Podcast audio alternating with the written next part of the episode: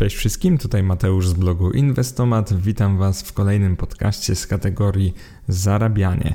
Podcast ten nosi tytuł Czy lepiej zwiększać zarobki, czy uczyć się inwestować? I będzie on teoretyczno-praktyczną dywagacją na temat tego, czy lepiej w młodym oraz średnim wieku przeznaczać więcej czasu na zwiększanie swoich zarobków, czy na naukę inwestowania.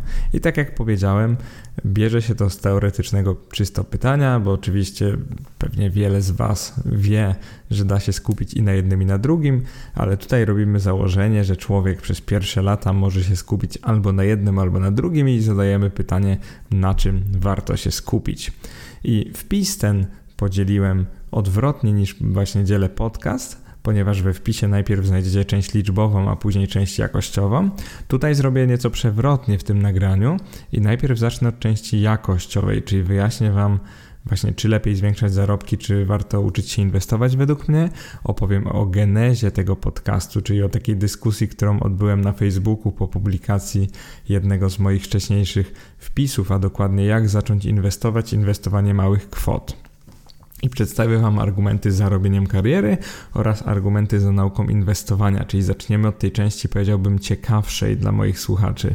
Następnie przejdziemy do części liczbowej, czyli przeanalizujemy sobie sześć takich strategii finansowych, czyli sześć finansowych życiorysów, czyli zobaczymy trzy osoby, które z jednej strony zaczynały od przeciętnych, średnich lub wyższych zarobków, ale które nie inwestowały. Czyli zobaczycie trzy osoby, które robią karierę, lepszą lub gorszą, ale nie inwestują, czyli przez całe to swoje finansowe życie jedynie odkładają środki na przykład na lokacie.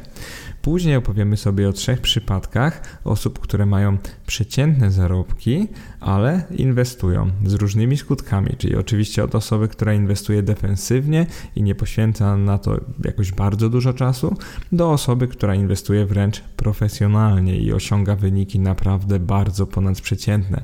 Czyli prześledzimy sobie te, te finansowe życiorysy. Każdy z nich wykonałem przy założeniu, że oszczędza się 40% swojej pensji. Czyli tutaj nawiązanie do ruchu FIRE tam było 70%. No i oczywiście wiele z Was mówiło, że to jest bardzo dużo, z czym się dość mocno zgadzam de facto. Dzisiaj weźmiemy sobie taką osobę, która oszczędza dalej bardzo dużo, ale już nie większość swojej pensji, czyli 40%. Dlaczego to zrobiłem? Dlatego, że chciałem trochę urealnić ten przykład. Także przejdźmy do pierwszej części podcastu, czyli tej jakościowej. Skąd się w ogóle wziął ten podcast? Przede wszystkim. Osoba anonimowa, ja nazywam go Gal Anonim, napisała mi na Facebooku y, bardzo ciekawy komentarz. Taki, że nie zgadza się z moimi tezami, mianowicie nie zgadza się głównie z tym, że warto uczyć się inwestowania wcześniej. I strategią takiej osoby, planem tej osoby było to, że dopóki nie ma się większych pieniędzy, w tym przypadku były to progi 20 tysięcy złotych, a później 200 tysięcy złotych, to nie warto się uczyć inwestowania, tylko warto zarabiać coraz więcej i, i, warto nauczyć się ograniczania niepotrzebnych wydatków. I w tym od razu mówię, jest pewna mądrość, bo tak naprawdę z tego komentarza wziąłem coś dla siebie, to znaczy ja to intuicyjnie robiłem, ale dokleiłem coś do tej swojej filozofii e, wczesnej nauki inwestowania. Zaraz zobaczycie. Z drugiej strony bardzo nie zgadzam się z takim zaczepieniem początku inwestowania do pewnej określonej kwoty. W tym przypadku Gala Anonim zaczepił ją do 200 tysięcy e, złotych i po prostu powiedział, że jeżeli nie ma się tych 200 tysięcy złotych, to nie warto uczyć się inwestowania. Ja Wam powiem, że uważam, że jest zupełnie inaczej i zaraz Wam postaram się to wyjaśnić. I teraz zacznijmy od argumentów za robieniem kariery. No, przede wszystkim wysokie zarobki osiągnięte w pierwszych 10 latach pracy, w 5-10 latach swojej kariery są bardzo istotne w budowaniu majątku. Czyli tutaj Gal Anonim miał rację ponieważ w tych wczesnych latach, gdy procent składany jakby działano gorzej niż później, czyli jeżeli na przykład wyobrażamy sobie, że zarobimy na inwestowaniu 10% netto rocznie każdego roku, wow, niezły wynik swoją drogą, jeżeli sobie zakładamy coś takiego, no to oczywiście, jeżeli dokładamy do tego garnuszka rocznie, dajmy na to 30 do, nie wiem, 100 tysięcy do tych inwestycji, a nie na przykład 3 tysiące do 5, czyli tak jak mógłby na przykład student albo ktoś, kto zarabia bardzo mało, no to oczywiście takim procentem składanym szybciej y, dojdziemy do jakiejś konkretnej kwoty. Mm, więc w tym jest pewna mądrość. Tak samo Galanonim miał rację, pisząc, że dyscyplina oszczędnościowa, czyli oszczędzanie około 30-40% swoich zarobków, jest równie istotne w planie, w planie inwestycyjnym co nauka inwestowania. W zasadzie Gal stwierdził, że to jest bardziej istotne, czyli że nauka, nauczenie się oszczędzania tych 30-40% zarobków przynajmniej jest podstawą do takiego inwestycyjnego dobrobytu, ponieważ wtedy będziemy mieli po prostu czym inwestować. I kolejna rzecz też już ode mnie, która stoi właśnie za robieniem kariery, to jest to, że jeżeli jesteście jeszcze na przykład przed wyborem kierunku studiów albo dopiero szukacie pierwszej pracy, no to oczywiście naprawdę warto zastanowić się nad pozycją, która daje Wam możliwości szybkiego awansu i pozwoli Wam w ciągu kilku lat stać się jedną na przykład z 10% najlepiej zarabiających osób w naszym kraju. W tej chwili znaczyłoby to, że zarabialibyście na etacie około myślę 9 tysięcy brutto złotych. Oczywiście inflacja pędzi tak szybko, że no nie, nie łapcie mnie za słówka, bo za parę miesięcy może to być 10 lub 12 tysięcy. W każdym razie rozumiecie o co mi chodzi. Chodzi mi o to, żeby szybko wybrać dobry kierunek studiów albo znaleźć tą lepiej płatną pracę w waszej branży, a nie akceptować tej gorzej. No i oczywiście nie ma co tu poświęcać, wiecie, jak to mówią, swojej szczęśliwości, czyli nie ma co tutaj poświęcać swoich marzeń. Jeżeli praca waszych marzeń jest mniej płatna, to po prostu przyjmijcie ją, ale zastanawiajcie się może, jak można to robić na tej pracy. Pamiętajcie, że zawsze są jakieś możliwości, żeby na boku na swoich umiejętnościach dorobić. To jest taki przekaz, który dla was mam. Natomiast przejdźmy do argumentów za nauką inwestowania, również tą wczesną. To są argumenty, którymi ja akurat polemizowałem z Galem Anonimem na Facebooku powiem Wam szczerze, że jestem bezkompromisowy dość, jeżeli chodzi o naukę inwestowania, bo fakt, że inwestując drobniakami, czyli dajmy na to kilkoma tysiącami złotych, wiele nie zarobisz, nie oznacza, że nie powinieneś się wcześniej uczyć inwestowania. To jest bardzo ważne, ponieważ Gal stwierdził, że od 200 tysięcy złotych można zacząć się uczyć. Powiem Wam szczerze, uważam, że to jest ogromny błąd, żeby się uczyć już, już na 200 tysiącach złotych. Prawdopodobnie taka osoba lepiej na tym wyjdzie, jak już zapłaci jakiemuś profesjonaliście, żeby robił to za nią. I podkreślam, profesjonaliście i zapłaci, czyli naprawdę znajdzie jakąś lepszą usługę i po prostu powierzy te pieniądze komuś innemu. Może na tym lepiej wyjść. To nie jest takie podejście, które ja tu propaguję na moim blogu i na moim podcaście, bo no, wiecie dość dobrze, już znacie mnie trochę, że bardzo namawiam, żeby uczyć się samemu, więc absolutnie tego nie polecam. Natomiast e, dla osoby, która już zgromadziła 200 tysięcy złotych, taka nauka inwestowania, wiecie, własnoręczna może być dość no, niepokojąca. Ta osoba może się sparzyć, ta osoba może popełniać błędy na zbyt dużym kapitale. Więc to nie jest takie proste powiedzieć komuś: słuchaj, znajdź świetną pracę i zarób 200 tysięcy złotych, a później wróć i zacznij inwestować, magicznie osiągając wysokie stopy zwrotu. Uważam, że bez tej nauki na kwotach drobnych, na kwotach niższych jest po prostu inwestować niebezpiecznie jakby skąd, skąd w ogóle te słowa, skąd to wiem? Z autopsji. Mm, naprawdę łatwiej się zaczyna tracąc te kilka tysięcy na początku, jakby parząc się wtedy, rozumiejąc, że no nie jesteśmy alfą i omegą, że popełniamy błędy, że nasza analiza to jest tylko analiza człowieka. Wiecie, że mogliśmy cashflowy nawet źle policzyć dla firmy, czyli taką prostą metodą jak DCF, Discounted Cashflow, mogliśmy zrobić jakiś błąd albo założyć przyszłość spółki zbyt dobrze. Wiecie, jakby jest tyle rzeczy, które można zrobić źle, że nauka pokory najlepiej działa na niskim kapitale. I to jest to, co ja bym Wam polecał, i to jest pierwszy argument za tym, żeby się uczyć wcześniej.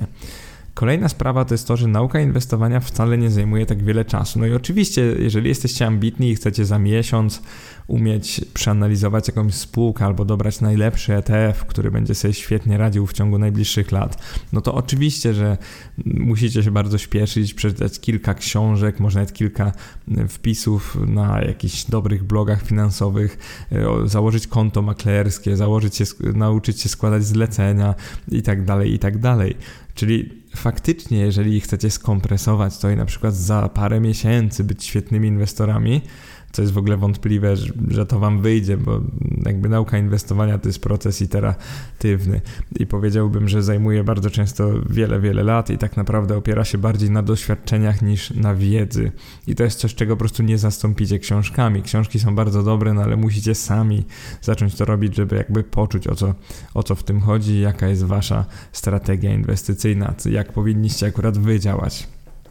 I powiedziałbym, nie zajmuje tak wiele czasu, nie zajmuje tak wiele czasu, żeby zastępowało to na przykład robienie kariery. Uważam, że jak najbardziej da się i robić karierę, i uczyć inwestowania. I oczywiście nie mówię to o jakiejś zawrotnej światowej karierze, czyli takiej, gdzie się pracuje naprawdę po 13 godzin dziennie, nie ma się czasu na cokolwiek innego. Mówię to o zwykłej karierze takiego profesjonalisty, który chce robić dobrze swoją robotę. Myślę, że nie ma problemu, żeby po pracy, nawet mając dzieci, żeby tam godzinkę tu czy tam ukraść i po prostu poczytać o tym inwestowaniu, poczytać na przykład mojego bloga, chociażby zacząć to robić i po jakimś czasie być w tym po prostu dużo lepszym. E, kolejna sprawa to jest to, że to akurat dowód tego przeprowadzę zaraz, czyli w podcaście zaczynam od, myślę, właściwej strony. Procent składany, który osiągniecie przy agresywnym inwestowaniu po uzbieraniu ponad miliona złotych zwykle przekroczy wartość waszych miesięcznych zarobków. Czyli warto jest ten, wyczuć ten moment, w którym powinno się skupić bardziej na inwestowaniu niż na robieniu kariery. Ja tutaj zwykle sugeruję wiek między 35 a 45 rokiem życia co jest dość zabawne w kontekście tego, że 50% moich czytelników ma poniżej 35 lat. Ale pamiętajcie, że trzeba zaplanować ten moment dobrze, trzeba określić sobie tę kwotę, przy której powinno się bardziej skupić na inwestowaniu. Oczywiście dla mnie, jestem dość przykładem ekstremalnym, myślę, ale dla mnie ta kwota była bardzo niska i tak naprawdę skupiłem się bardziej na inwestowaniu, jak jeszcze osiągane dywidendy i odsetki były dla mnie mniej niż równowartością powiedziałbym 1% mojej wypłaty, czyli no, to jest dość zabawne, bo wyobraźcie sobie, że to było naprawdę niewiele, ale już wtedy skupiałem się na tym inwestowaniu, żeby to doskonalić, żeby rozumieć, jak znaleźć te dywidendowe okazje, dywidendowe perełki na przykład i po prostu dostawać te cashflowy też z inwestycji. Także bardzo, bardzo szybko się skupiłem na inwestowaniu. Natomiast jakby żeby podsumować tą pierwszą część podcastu, myślę, że faktycznie warto się skupić na robieniu kariery przez pierwsze jej myślę 2, 3, może 4 lata, spróbować kilkukrotnie awansować, spróbować jakby pracować dla najlepszej firmy w branży i tak dalej, i tak dalej, czyli maksymalizować zarobki. Natomiast nie widzę żadnego problemu, żeby w, nawet w trzecim, czwartym roku kariery zacząć się już mocno skupiać na inwestowaniu, niezależnie od kwoty, czyli tu, gdzie się nie zgadzam z Galem Anonimem z Facebooka, to jest ten, to miejsce, że trzeba mieć na przykład 200 tysięcy, żeby warto było inwestować, bo powiem Wam szczerze, że no, jakby ciężko mnie do tego przekonać, bo tak jak Wam powiedziałem, uważam, że wręcz gorzej jest zacząć przy 200 tysiącach, bo ja nie patrzę na to, że z tych 200 tysięcy będziecie mieli wyższy procent, wyższe odsetki, ja patrzę na to, co jest bezpieczne, a co nie. Czyli zauważcie, że mam inne podejście. Naprawdę bezpiecznie się sparzyć na niższych kwotach i taka jest prawda. I oczywiście ci z Was, którzy powiedzą, no tak Mateusz, ale z drugiej strony inwestuję to 200 tysięcy, no to już jakoś czuję te odsetki i dywidendy. Tak, tylko to jest przy założeniu, że robicie to dobrze, że nie przejmujecie się spadkiem cen jakimś nadmiernym. Swoją drogą o tym muszę nagrać kolejny podcast, bo myślę, że fajnie było pogadać o psychologii inwestowania. Czyli myślę, że gdzieś w przyszłości, może po tym cyklu obligacjach, który już zacząłem teraz dla Was pisać. Myślę, że powinienem właśnie ugryźć temat psychologii inwestowania. Ale wracając do tematu, dość tych dygresji, mm, pamiętajcie, że takie zakładanie, że będzie dobrze, to jest naprawdę najgorsze, co możecie zrobić w inwestowaniu. Zawsze powinniście założyć, że będzie źle i spytać się siebie, jak reagujecie na takie sytuacje, co zrobicie, mieć plan, czyli nie tylko obserwować, na przykład jak wasze oszczędności topnieją, tylko zastanowić się na przykład, no dobra, ustawię gdzieś tam stop lossa, żeby stracić mniej niż. Tak akurat nie polecam, bo sam tego nie robię. Albo przy cenie takiej i takiej zacznę agresywnie dokupować tych akcji, bo uważam, że dalej są dobre i, i należy je mieć w portfelu. Albo zrobię analizę, czy warto je dokupować i się ich albo pozbędę, albo zwiększę pozycję i tak dalej, i tak dalej, czyli żeby wiedzieć, co się zrobi. No dobrze, myślę, że tym, tym zwieńczeniem y, możemy zakończyć właśnie pierwszą część, możemy ją zwieńczyć i teraz druga część podcastu, myślę, że równie ciekawa, analiza sześciu strategii finansowych. I tak jak Wam mówiłem, warianty 1-3 dotyczą osób z podejściem trzeba robić karierę i się nie zastanawiać oraz ważne, by pieniądze na siebie pracowały, ale nieważne na jaki procent. I te osoby będą oszczędzać 40% swoich zarobków, będą miały zróżnicowane zarobki, co już powiem w konkretnych przykładach, a ich stopa zwrotu z inwestycji wyniesie 1%, a później 2% zysku netto, czyli zakładamy, że to jest w tych takich normalnych czasach dla lokat, gdzie stopy procentowe są dodatnie, e, niskie, ale dodatnie i po prostu lokaty dają cokolwiek zarobić. Więc wyobraźcie sobie te pierwsze trzy osoby jako takich pracowników korporacji, z czego ta trzecia będzie oczywiście jakimś dyrektorem i to bardzo wysokiego szczebla, ponieważ kwoty zarobków, jak zaraz Wam wyjaśnię, będzie miała naprawdę astronomiczne. Natomiast jeżeli chodzi o scenariusze 4-6, to będą to inwestorzy. Każdy z nich będzie miał pensję analogiczną do tej pierwszej osoby, o której powiem, czyli taką powiedziałbym przeciętną, nie jakąś tam szałową. Natomiast oni zaczną inwestować wcześniej, oni się nauczą w ciągu pierwszych pięciu lat inwestować, a później będą osiągać trochę wyższe stopy zwrotu. I o konkretach już powiem w konkretnych przykładach. Przejdźmy do tej pierwszej osoby. Nazwałem ten wariant zwykłe zarobki i oszczędzanie. Tu są zarobki początkowe netto 3000 zł, czyli podkreślam, one są już dość wysokie, ale mimo wszystko w pewnym sensie nie są, wiecie, astronomiczne, są dalej zwykłe w pewnym sensie. Da się na przykład po studiach mieć taką pensję spokojnie w tym momencie. Wzrost zarobków tej osoby to jest pierwsze 10 lat to jest 8% rocznie, czyli jakby zakładamy kilka awansów i podwyżek, natomiast później jest to 4% rocznie, czyli tak już bardziej inflacyjnie. Nie wiemy jaka inflacja będzie, więc trzeba założyć więcej, a nie mniej. E, więc zarobki takiej osoby w wieku 25 lat to jest 3000 netto, a w wieku 65 lat, przepraszam, czyli przed samym przejściem na emeryturę to jest 20 tysięcy złotych. Czyli pamiętajcie, nie teraz 25 tysięcy, tylko po 40 latach pracy w zawodzie, czyli ta osoba naprawdę ma ekspertyzę i dostała tych podwyżek mnóstwo po drodze. Stopa zwrotu z inwestycji, tak jak mówiłem, to jest 1%, a później 2%, czyli jakaś lokata po prostu. No i teraz, jak wygląda finansowe życie takiej osoby? Y, po pierwsze, owszem, oszczędza ona i to widać. Czyli te pierwsze 10 lat kariery, no nie oszczędziła ona za dużo, kolejne 10 już oszczędziła ona trochę więcej. Mm, koło 45 ta osoba ma gdzieś tak 600 tysięcy złotych, milion osiąga koło 50. I życie ma dość dobre, wydaje 60% każdej wypłaty, tak jak w sumie każda ta osoba, o której będę pisał. Natomiast to oszczędzanie na depozycie, to co zobaczycie na wykresie we, we wpisie, no to jest oczywista sprawa, że to po prostu nie daje takich stóp zwrotu, jakbyście chcieli, czyli po prostu ta komponenta mm, związana z odsetkami będzie bardzo niska. Jeżeli zakładamy ten 1-2%, to właśnie na tym 2% w późniejszej fazie kariery zobaczycie, że w 40 roku oszczędzania, to mimo wszystko ta komponenta pasywna to jest niecała 1 trzecia oszczędności takiej osoby, czyli jednak prawie wszystko pochodzi z wpłat. Mm, wniosek z, tej, z tego przebiegu, z tej sytuacji jest taki, że oczywiście warto oszczędzać, niezależnie od stopy zwrotu, no bo ta osoba ma na emeryturze o wiele większe bezpieczeństwo finansowe, bo uzbierała ponad 2 miliony. Więc oczywiście wniosek jest taki, że warto oszczędzać. Drugi wniosek jest taki natomiast, że jeżeli taka osoba nie nauczy się inwestować dość szybko i to niezależnie, czy to jest 200 tysięcy, czy 100, czy 500, to niestety te pieniądze nie będą tak rosły, jakbyśmy chcieli, czyli ten procent składany no, wejdzie w ruch, ale on będzie bardzo niski, więc też będzie się powoli składał.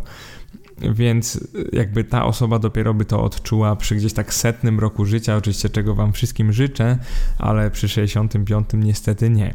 I teraz zrobimy takie ćwiczenie. Zwiększymy zarobki początkowe do 6000 netto, czyli już naprawdę bardzo wysokich. To myślę na początku mało kto, może jakiś 1% ma takie zarobki i to tylko w tych niszowych branżach. I tutaj też mamy wzrost 8% pensji, a później 4% do końca życia. No i wniosek jest bardzo prosty, jak popatrzycie na wykres. Amplituda wzrosła, czyli ta osoba będzie bogatsza, bo zwyczajnie więcej oszczędzi. Natomiast te zyski z inwestycji, jeżeli można je tak nazwać, bo tutaj jest lokata, y, te zyski z inwestycji dalej będą bardzo małe w porównaniu do reszty, czyli do tych oszczędności. Tutaj będzie wręcz 1 do 4. No, co z tego, że ta osoba w wieku 65 lat ma około 4 milionów złotych? Jak z tych 4 milionów ta komponenta pasywna to odpowiada za niecałe pół miliona tam jest około pół miliona złotych, jeżeli dobrze pamiętam. Więc dalej mamy dobre życie, mamy stresującą karierę, trochę wyższe zarobki, no ale większość tych uzbieranych pieniędzy właśnie pochodzi z tych zarobków, a nie z inwestowania. Przykład kolejny to jest osoba o astronomicznych zarobkach, która nie inwestuje i tutaj bierzemy pod uwagę kogoś, kto ma naprawdę bardzo, bardzo wysokie zarobki. I teraz jak wysokie? To jest 9000 zł netto na samym początku. Wzrost jest 8% w każdym roku, a nie tylko w latach pierwszych i ta osoba kończy swoją karierę z 200 tysiącami złotych netto miesięcznie. Także wyobraźcie sobie, to są zarobki jakiegoś CEO bardzo ważnej firmy. Czyli to jest osoba absolutnie nieprzeciętna, która całe życie poświęciła karierze, robi to dobrze e, i jakby jest za to bardzo dobrze doceniana. Mm, co jest ciekawe, to znowu jeżeli taka osoba nie będzie inwestować na wyższym procencie, no to ok, uzbiera ona ponad 10 milionów przy zakończeniu kariery, z czego y, to jest dokładnie 12 milionów, z czego mm, wiecie, no około miliona dwóch będzie tylko z tych oszczędności.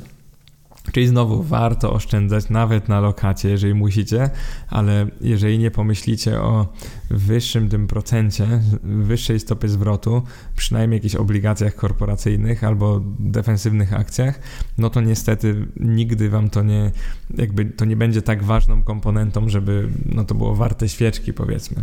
I teraz przykład czwarty, czyli dodajemy do zwykłych zarobków, czyli wracamy do osoby, która za, zaczyna od 3000 złotych netto miesięcznie i dodajemy do tego trochę inwestowania. I teraz co się dzieje? Trochę inwestowania w tym przypadku to jest 4% rocznie w pierwszych 5 latach netto, a później 8% rocznie. Mm, mamy tu do czynienia z inwestorem def- defensywnym, dywidendowym. On inwestuje rozważnie, czyli kupuje tylko duże i uznane spółki. Czyli ta stopa zwrotu jest niezła, ale nie jest ogromna. I ciekawostką jest to, że kapitał z inwestycji prześciga kapitał z zarobku w wieku około 47 lat. Wtedy ta osoba ma jakieś 1,5 miliona złotych i po prostu więcej już ma z tych mm, odsetek niż zarobków. I co jest naprawdę zabawne, jak zerczycie na wykres, to to, że ta osoba kończy karierę z około 10 milionami złotych, trochę mniej, tam jest bodajże 9, mm, ale w tej karierze to, co oszczędziła, czyli te odkładane środki, to jest jakaś jedna czwarta wszystkiego, co ma. I to jest bardzo istotne do zrozumienia. Czyli ta osoba sobie pracowała do 65 roku życia, bo lubi. Tak naprawdę mogła już dawno rzucić pracę i po prostu inwestować, bo z tego wychodziło dużo więcej pieniędzy, no ale na potrzeby przykładu mamy wszystkich, którzy pracują do 65.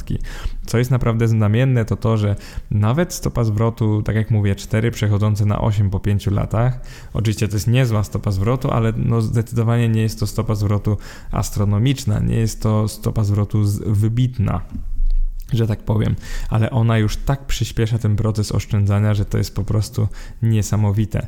I ważne jest to, że ta osoba zaczęła wcześniej i tak jak Gal Anonim pisał mi na Facebooku, faktycznie w pierwszych latach, co z tego, że było to 10%, jeżeli to znaczyło na przykład kilkaset albo kilka tysięcy złotych, a taka osoba zarabiała na przykład właśnie kilka tysięcy miesięcznie. Czyli pewna mądrość ludowa jest w tym, że jeżeli z inwestowania ma się mało, to no, może warto jest kupić na karierze. Z drugiej strony, ten przykład chyba najdobitniej pokazuje, że nie trzeba wykręcać jakichś astronomicznych stóp zwrotu, żeby po prostu zarabiać na tym wystarczająco dużo, żeby w pewnym momencie nawet przestać pracować. Coś, o czym jeszcze bardzo chcę wspomnieć przed zakończeniem tego podcastu, bo jeszcze zostały nam dwa, dwa przypadki, ale chcę wspomnieć o tym, że zauważcie, że ten człowiek zarabia tyle samo, co ten pierwszy, którego opisywałem, a kończy z kwotą no, trzykrotnie wyższą na końcu inwestowania niż właśnie ta pierwsza osoba.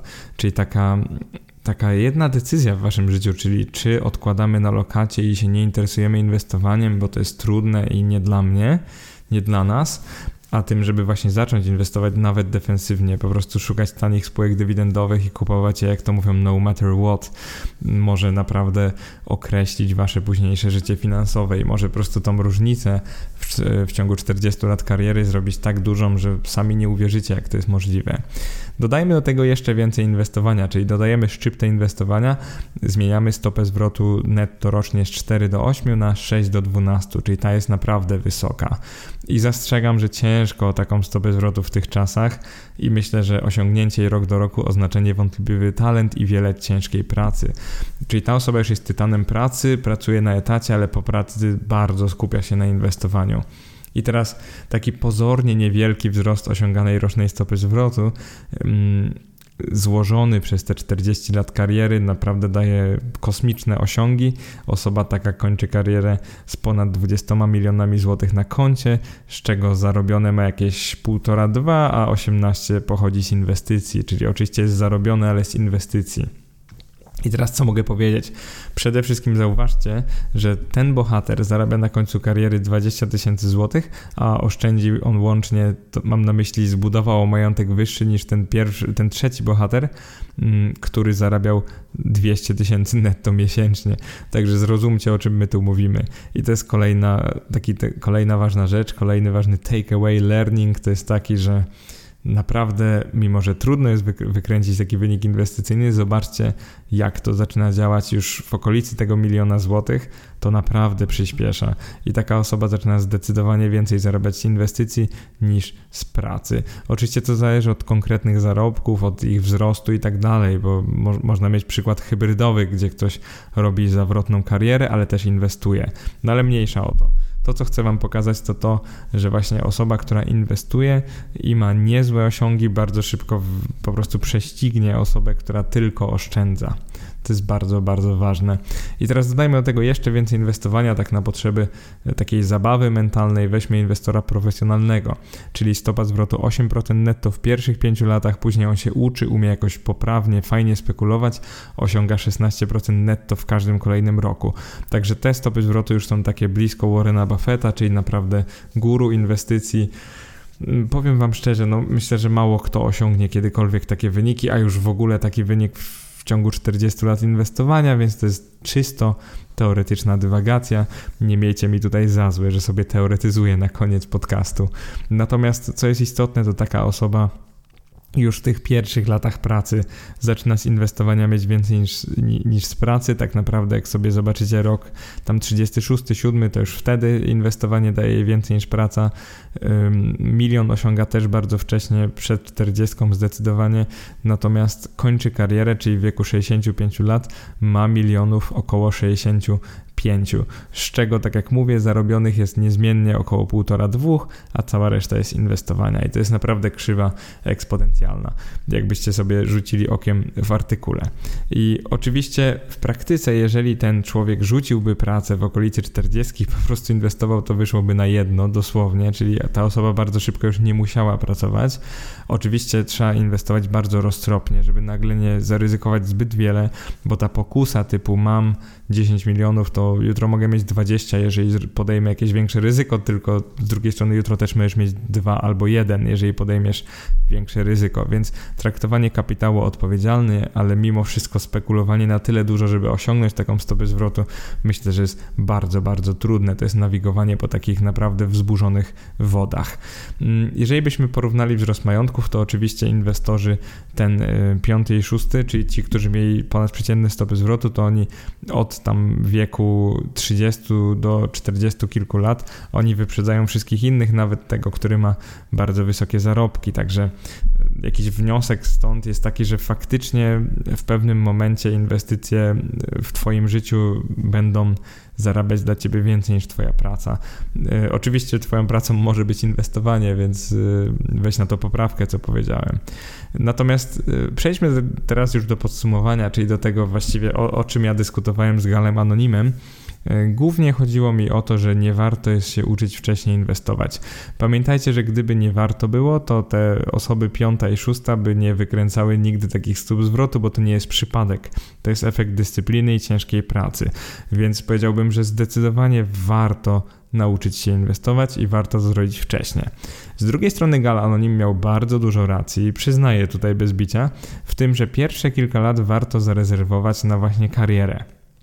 Czyli takie, do, jak, to, jak to się mówi, doszkalanie się, zwiększanie swoich kompetencji, po prostu stawanie się osobą bardziej konkurencyjną na rynku pracy, wysyłanie CV do wielu firm, zrobienie sobie dobrego profilu na LinkedIn. To są takie rzeczy, które naprawdę warto zrobić i nawet kosztem te, tej nauki inwestowania. Czyli jeżeli jesteście na początku kariery i faktycznie zgromadziliście jakichś wielkich środków, to już słowem końcowym e, dla Was ode mnie będzie to, że faktycznie skupcie, zacznijcie od tego, żeby mm, rozpocząć tą karierę naprawdę tak hucznie i dopiero później nauczcie się inwestować. Natomiast nie odkładajcie tego na, do, do tak zwanego nigdy, czyli nie odkładajcie tego zbyt długo. Dzięki Wam wszystkim, to koniec tego podcastu. Cześć.